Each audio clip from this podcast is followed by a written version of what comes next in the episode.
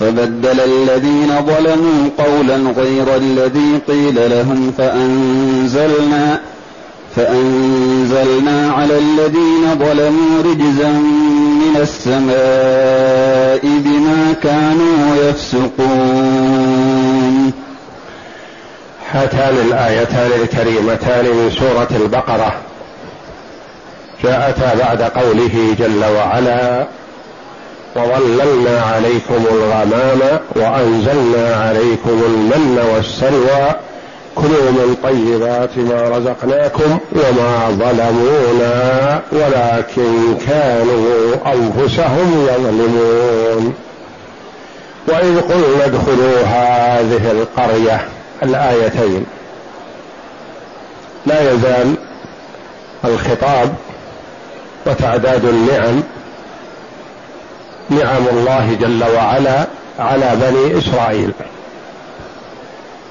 السابقين منهم يذكر الله جل وعلا اللاحقين بما أنعم الله به على أسلافهم مع ما يحصل منهم من المخالفة والمعصية والفسق. والله جل وعلا يتوب عليهم ويغفر لهم فتلك نعمة عظيمة من الله جل وعلا على الآباء ونعم الله جل وعلا على الآباء تمتد للأبناء والأحفاد. يقول الله جل وعلا في هاتين الآيتين وإذ قلنا ادخلوا هذه القرية فكلوا منها حيث شئتم رغدا وادخلوا الباب سجدا. لما قال أصحاب موسى لموسى عليه السلام بعدما طال مكثهم في التيه لن نصبر على طعام واحد. ما يكفينا ما يحصل من المن والسلوى. والطيبات التي تنزل من السماء وإنما نريد أكلا مختلف.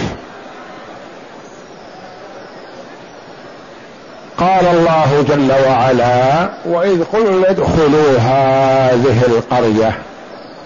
هذه القرية ما المراد بها؟ اولا اسم القرية من التقري وهو المكث. والإقامة فيها.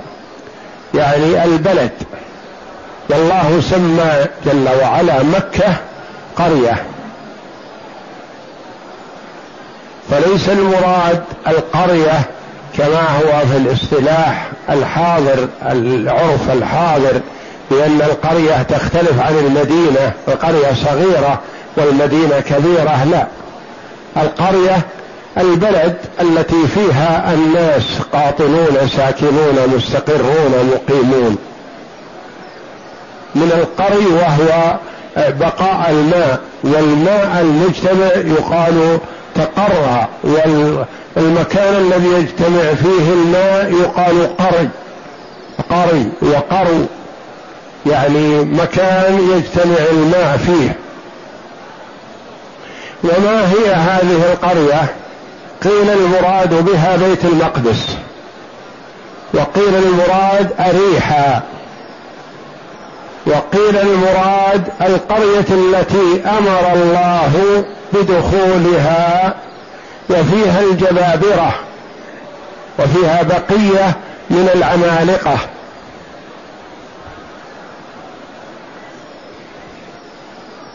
فما قبلوا الدخول عليهم وامتنعوا عن هذا. وقيل قول ضعيف مصر وهذا ضعيف لأنهم خرجوا من مصر وتوجهوا إلى الشام مع موسى. ومن ومن القائل قيل هو موسى عليه السلام وقيل يوشع ابن نون بعد موت موسى. عليه السلام لأن موسى وهارون ماتا في التيه لأن التيه مكث فيه بنو إسرائيل أربعين سنة.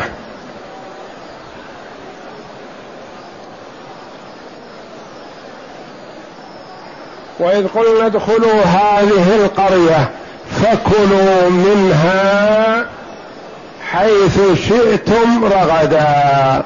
كلوا مما أحببتم من الطيبات. رغد. الرغد الواسع الكثير الطيب يعني متوفر. والرغد التوفر وطيب الطعام مع كثرته. كثيرا واسعا لأنه إذا كان قليل وإن كان طيب ما حصل فيه الهنا. وإن كان كثير ولم يكن طيب ما حصل فيه الهنا. وإنما هو الرغد الكثير الواسع الطيب. كلوا منها حيث شئتم رغدا. وادخلوا الباب سجدا. ادخلوا الباب المراد بهذا الباب الباب المعين الذي عينه موسى عليه السلام. ادخلوا الباب. أو الذي عينه يوشع ابن نون. قيل هو بي باب بيت المقدس. وقيل باب معين في أريحة. وقيل الباب الذي يلي القبلة. الذي استقبل أنبياء بني إسرائيل. وادخلوا الباب سجدا. سجد قد لا يتأتى الدخول مع السجود لأن السجود الوقوع في الأرض. فإذا وضع جبهته في الأرض ما تمكن من الدخول من المشي. والله جل وعلا أمرهم أن يدخلوا الباب سجدا. إذا المراد بالسجود هنا الركوع. يعني يدخل ركع. تواضعا لله جل وعلا وتذللا بين يديه. وقيل المراد سجدا يعني خاضعين بقلوبكم. الخضوع والتذلل بالقلب. وإن كانوا رافع الرؤوس. وقيل المراد سجدا يعني إذا حاذيتم الباب فاسجدوا ثم ادخلوا. والأقوال الثلاثة وغيرها كلها تدل على أن المراد التذلل لله جل وعلا والاعتراف بالنعمة. ادخلوا الباب سجدا هذا بيان للهيئة. هيئة الدخول سجود. ثم بين جل وعلا ما يقولوه. فقال ادخلوا الباب سجدا وقولوا حطة. حطة من المفسرين من قال حطة يعني حط عنا خطايانا. يعني نحن مستسلمون لك متذللون بين يديك. اغفر لنا ذنوبنا. وقيل المراد أن الله جل وعلا تعبدهم بأن يقولوا هذا القول. وإن لم ندرك معناه تعبدهم جل وعلا بأن يقولوا هذا القول ليختبرهم هل يطيعوا أو لا. وعندنا في الشريعة الإسلامية يقولون هذا التكليف تعبدا. هذا التكليف تعبدا يعني استجابة لما جاء لو ما عقلنا المعنى. لأنه ما يلزم أن نعقل المعنى في كل عبادة. من العبادات ما نعقل معناه ومنها ما نؤديه تعبدا لله. يعني أدركنا أو ما أدركنا فمثلا الوضوء من لحم الجزور. ما يلزم الوضوء من لحم الغنم ولا يلزم الوضوء من لحم البقر ولا يلزم الوضوء من لحم الخيل ولا أي لحم من اللحوم سوى لحم الإبل. وقال كثير من الفقهاء المراد اللحم الأحمر.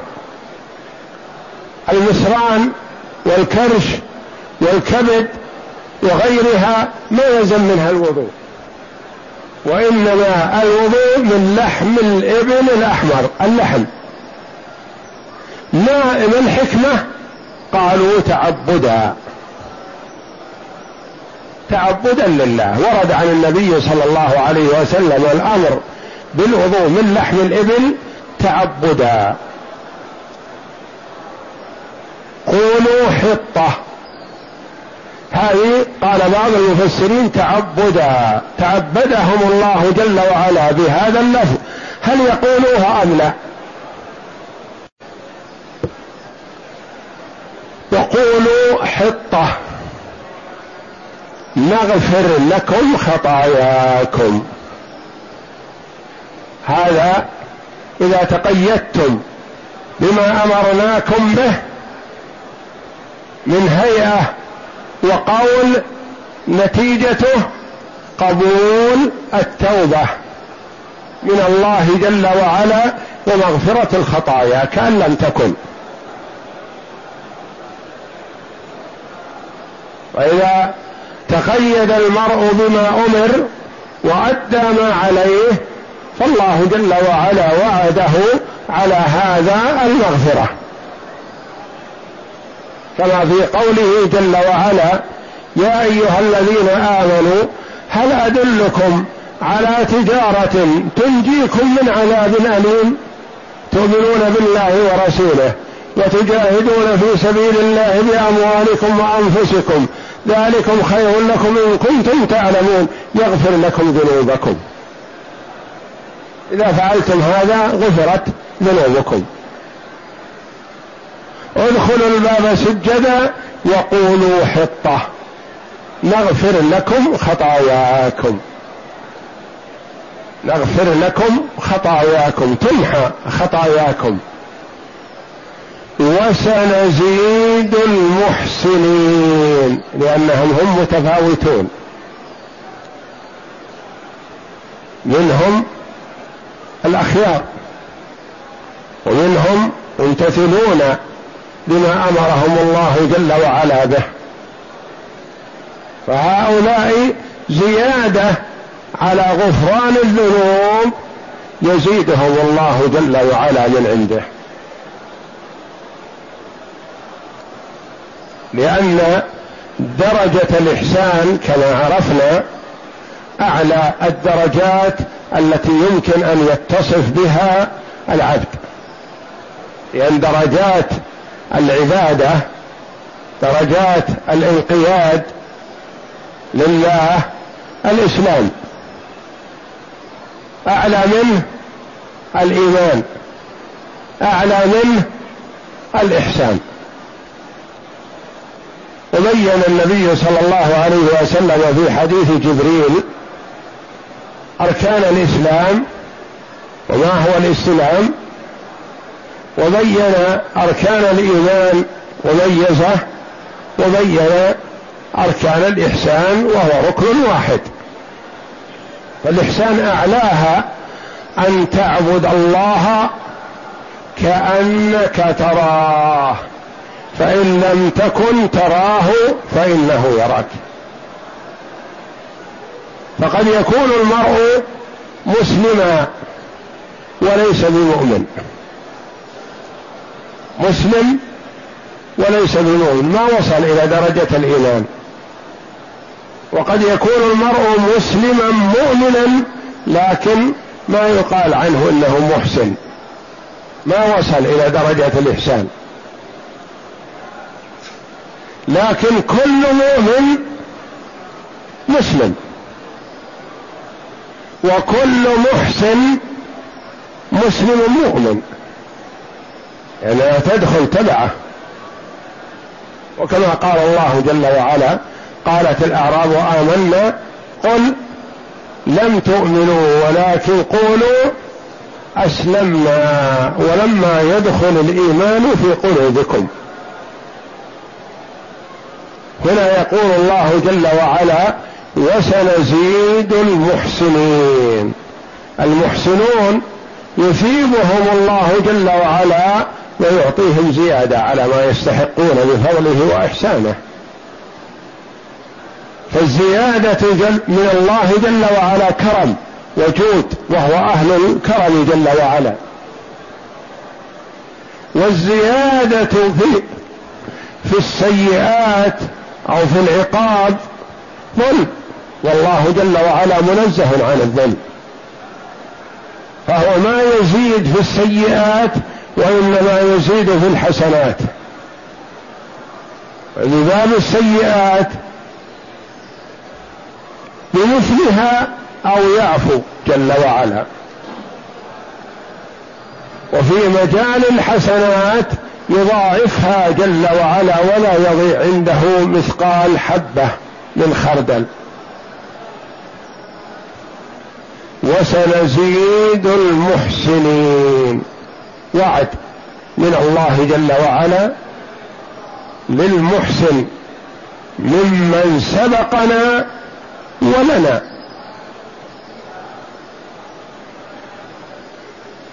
فأولئك وعدهم الله جل وعلا بأن يزيد في ثواب المحسنين.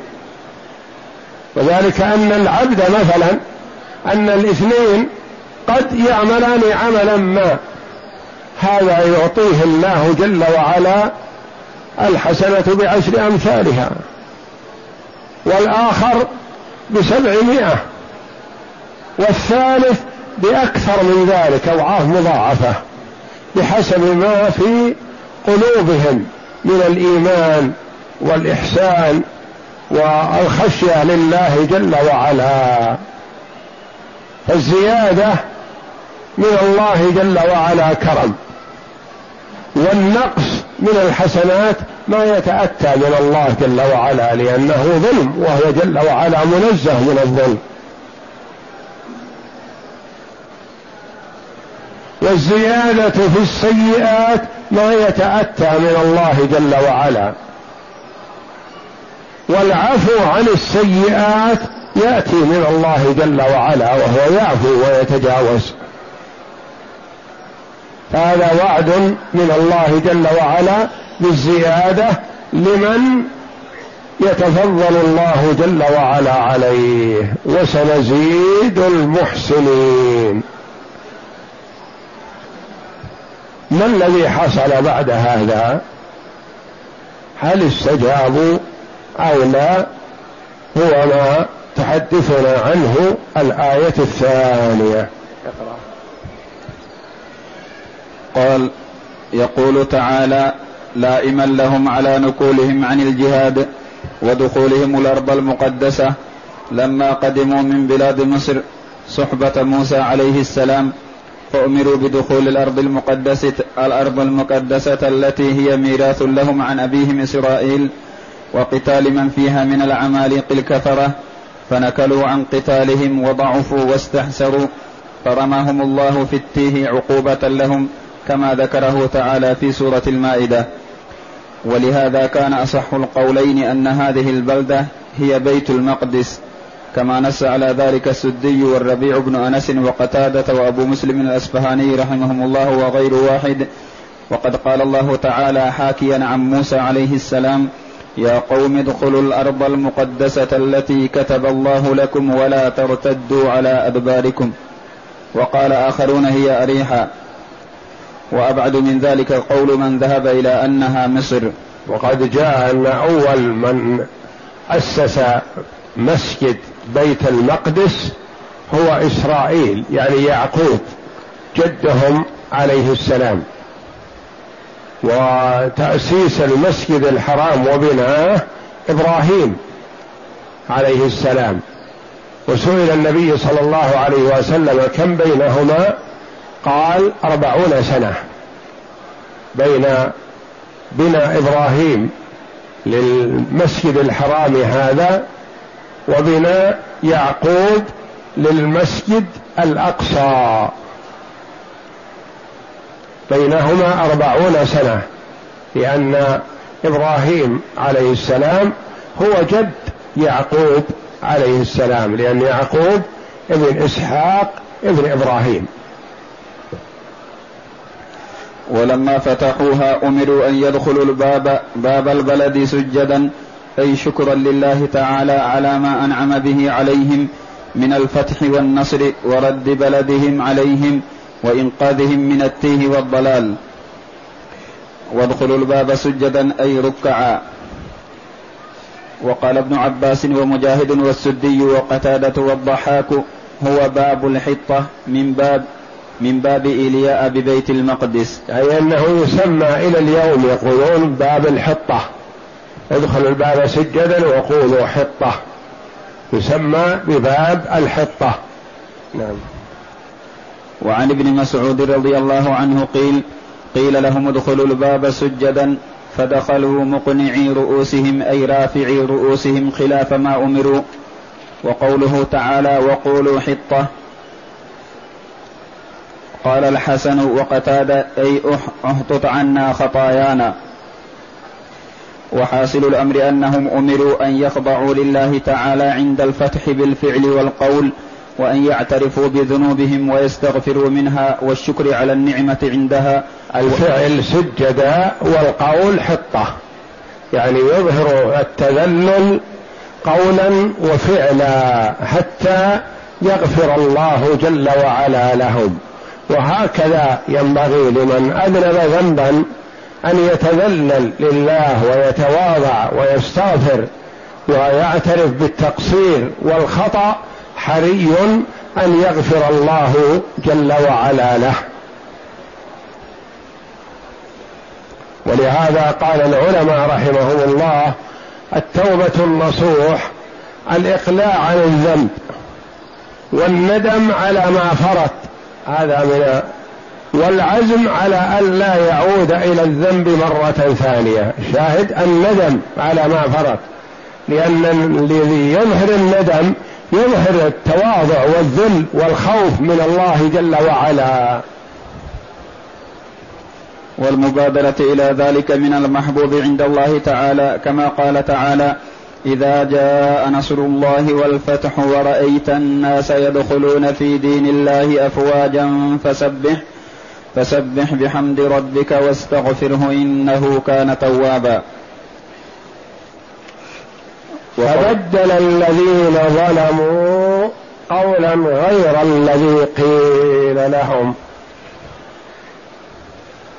بعدما أمروا بهذا الأمر وقيل لهم قولوا هذا قولوا حطة بدلوا. ماذا وقالوا حبه حنطة. غيروا اللفظ. معصية وفسق. وإلا فالله أمرهم بهذا والكلام واللفظ هذا سهل ميسور بدلوه بغيره. استهانة بأمر الله جل وعلا. فبدل الذين ظلموا قولا غير الذي قيل لهم. قال بعض العلماء رحمهم الله بدلوا القول وهو أسهل ونص الله جل وعلا على ذلك. ومن باب أولى بدلوا الهيئة والفعل. بدل ما يدخلون سجدا يدخل دخلوا يزحفون على أستاههم على وركيهم على أليتيهم. أو ما دخلوا على خلفهم بدل ما يدخلون أمام يدخلون على خلفهم. بدل ما يدخلوا مطاطئ الرؤوس دخلوا رافع رؤوسهم. عدم مبالاة فبدل الذين ظلموا قولا غير الذي قيل لهم. بدلوا القول وهو أسهل فمن باب أولى أنهم بدلوا الهيئة والفعل كذلك. وقد جاء عن النبي صلى الله عليه وسلم تفسير هذا بأنهم دخلوا يزحفون على أستاههم يعني على وركيهم على أليتيهم. مخالفين أمر الله جل وعلا. فماذا كانت النتيجة؟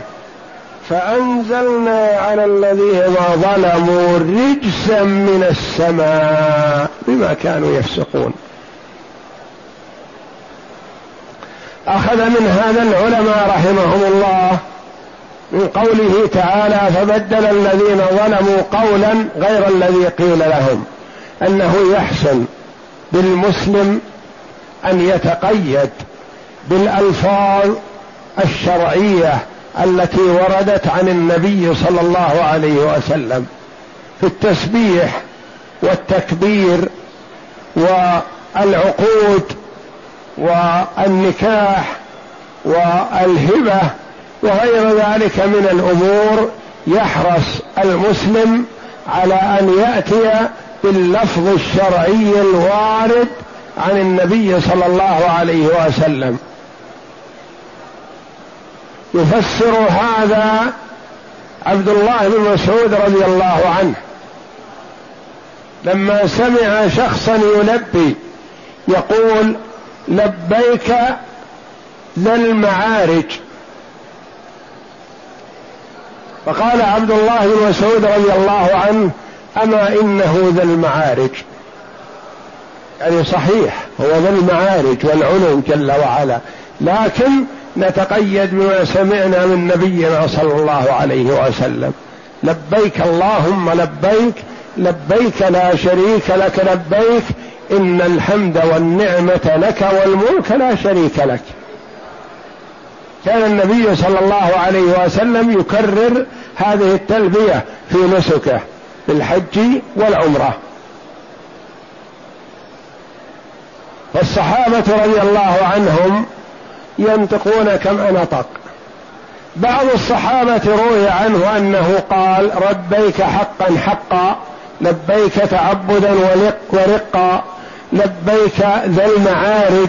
وهكذا ألفاظ تؤدي المعنى. فعبد الله بن مسعود رضي الله عنه من شدة تمسكه بما سمع من النبي صلى الله عليه وسلم لما سمع شخصا يقول لبيك ذا المعارج؟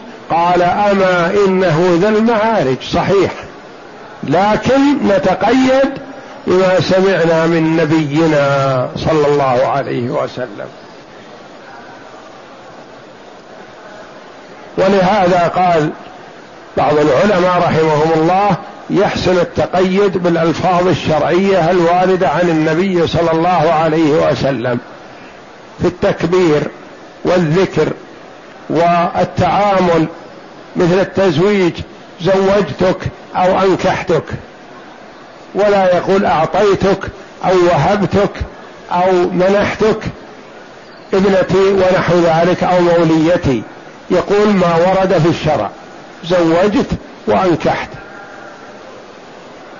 وكذلك قول سبحان الله والحمد لله والله أكبر دبر كل صلاة يعني ما يخلق يقول سبحان الله وبحمده سبحان الله العظيم سبحان الله والحمد لله ولا إله إلا الله والله أكبر ما دام جاء عن النبي صلى الله عليه وسلم سبحان الله والحمد لله والله أكبر ثلاث الكلمات ائت بها كما جاءت عن النبي صلى الله عليه وسلم أدبار الصلوات.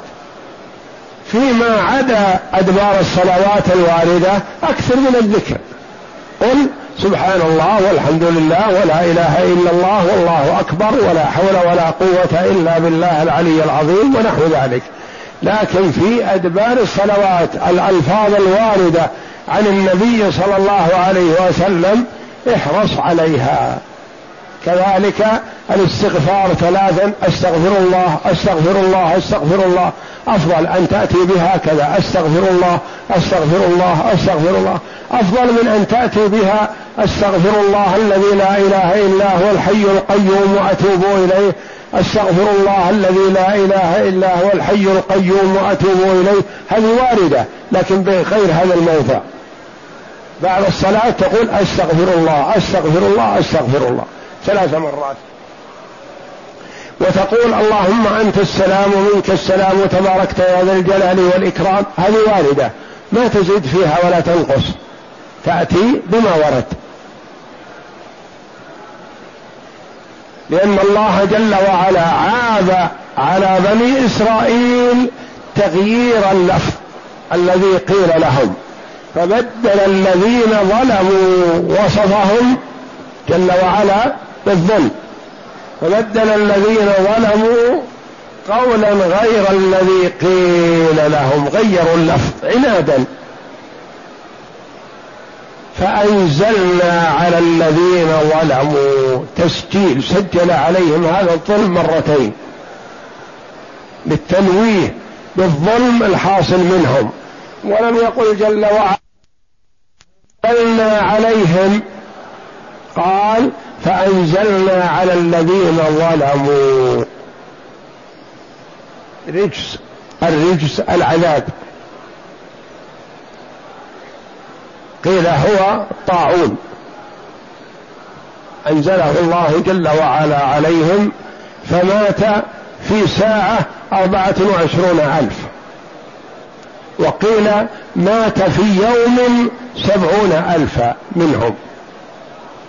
بهذا الرجز والطاعون. وأخبر النبي صلى الله عليه وسلم أن الطاعون بقية من عذاب عذب به من قبلنا. وأمرنا صلى الله عليه وسلم الا نقدم على البلد التي جاءنا الخبر أن فيها طاعون. وإذا نزل الطاعون في بلد فلا يجوز لمن كان فيها أن يخرج منها. يستسلم لأمر الله. قالوا هذا تشريع للأمة قبل أن يعرف الناس في الطب الحديث الحجر الصحي. إذا كان البلد فيها وباء لا تدخل. أنت في عافية. إذا كان البلاء في البلد وأنت فيها لا تخرج يا أخي. اولا خروجك فرار. ثانيا فيه نشر لهذا الوباء لأنه يمكن يكون أصابك في شيء بسيط وما ظهر أمره فتنقله إلى بلاد أخرى وإلى أماكن أخرى. فهذا التعليم النبوي. لمن علم من إذا علم الإنسان عن وجود وباء في بلد فلا يقدم عليها حتى لو كان له حاجة. وعمر رضي الله عنه لما خرج من المدينة إلى الشام استقبله أمراء الأجناد. فأخبر رضي الله عنه أن في البلد وباء فجمع الصحابة رضي الله عنهم. أول جمع المهاجرين الأولين ثم الأنصار ثم المهاجرون والأنصار ثم المتأخر الصحابة ثم خيار التابعين. يستشيرهم هل ندخل أم لا؟ منهم من يقول له يا أمير المؤمنين معك خيار الصحابة وكبراء المؤمنين لا تقحمهم تدخلهم على الوباء فيصيبهم الوباء. ومنهم من يقول لا يا أمير المؤمنين ليكن إيمانك وثقتك بالله قوية ولا تفر ولا تمتنع عن الدخول لأجل ما سمعت من الوباء. ادخل ولن يأتيك إلا ما قسم الله لك. وكل ما اجتمع عنده قوم اختلفوا. ثم إنه رضي الله عنه اجتهد رأيه وقال نرجع. ولا نؤثر ولا نقحم ندخل أنفسنا في المرض هذا. فقال له أبو عبيدة رضي الله عنه يا أمير المؤمنين أفرارا من قدر الله. ترجع للمدينة بعدما وصلت إلى حدود الشام. أفرارا من قدر الله. قال لو كانت من غيرك يا أبا عبيدة لكان أحسن. يعني استكثرها عمر رضي الله عنه من أبي عبيدة وقال نفر من قدر الله إلى قدر الله. وكل هذا الكلام وعبد الرحمن بن عوف رضي الله عنه بعيد عن القوم كان معهم لكن ما كان حاضر. هذه الاجتماعات والمداولات والرأي. أحد العشرة المبشرين بالجنة رضي الله عنهم أجمعين. فجاء فقال عندي علم من هذا. لأن النبي صلى الله عليه وسلم قال إذا نزل الوباء في بلدي فلا تدخلوها وإذا نزل وأنتم فيها فلا تخرجوا منها. قال الحمد لله. سر عمر رضي الله عنه بأن اجتهاده وافق حديث رسول الله صلى الله عليه وسلم قبل أن يعلم به رضي الله عنه. فأنزلنا على الذين ظلموا رجزا من السماء بما كانوا يفسقون بسبب فسقهم.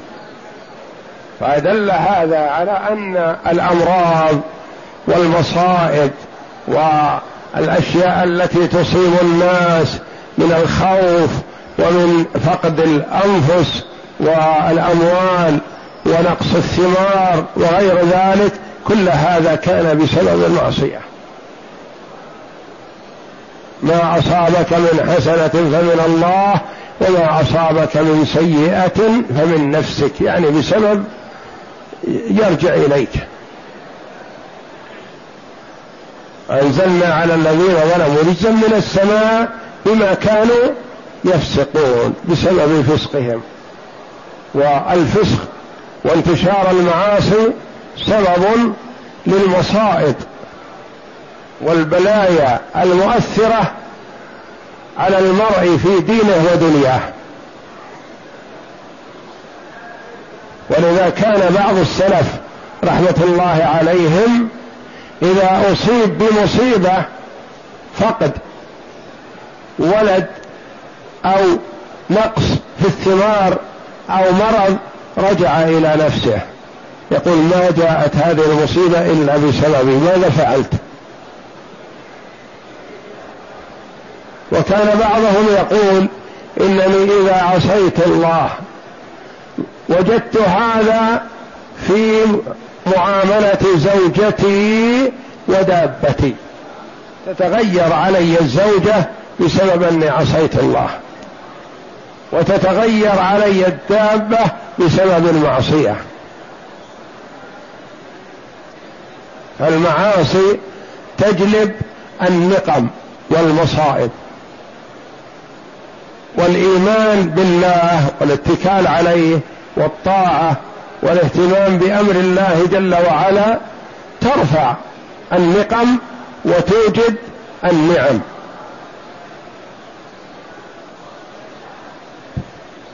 فأنزلنا على الذين ظلموا رجزا من السماء بما كانوا يفسقون. نعم. وقوله تعالى فبدل الذين ظلموا قولا غير الذي قيل لهم. أخرج البخاري رحمه الله عن حديث أبي هريرة رضي الله عنه عن النبي صلى الله عليه وسلم قال قيل لبني إسرائيل ادخلوا الباب سجدا وقولوا حطة. فدخلوا يزحفون على أستاههم فبدلوا وقالوا حبة في شعرة. يعني غيروا اللفظ وغيروا الهيئة. عنادا. دخلوا يزحفون على أستاههم يعني يزحف على اليتيه بالأرض. يمشي. يعني يزحف. ما يمشي تغييرا لللفظ والهيئة التي أمرهم الله جل وعلا أن يأتوا بها. نعم. فأنزلنا على الذين ظلموا رجزا من السماء بما كانوا يفسقون. وقال الضحاك عن ابن عباس رضي الله عنهما كل شيء في كتاب الله من الرجز يعني به العذاب. وقال أبو العالية رحمه الله الرجز الغضب. وقال الشعبي الرجز إما الطاعون وإما البرد. و وأخرج جمع من الصحابة عن رسول الله صلى الله عليه وسلم قالوا قال رسول الله صلى الله عليه وسلم الطاعون رجز عذاب عذب به من كان قبلكم. والله أعلم وصلى الله وسلم وبارك على عبده ورسول نبينا محمد وعلى آله وصحبه أجمعين.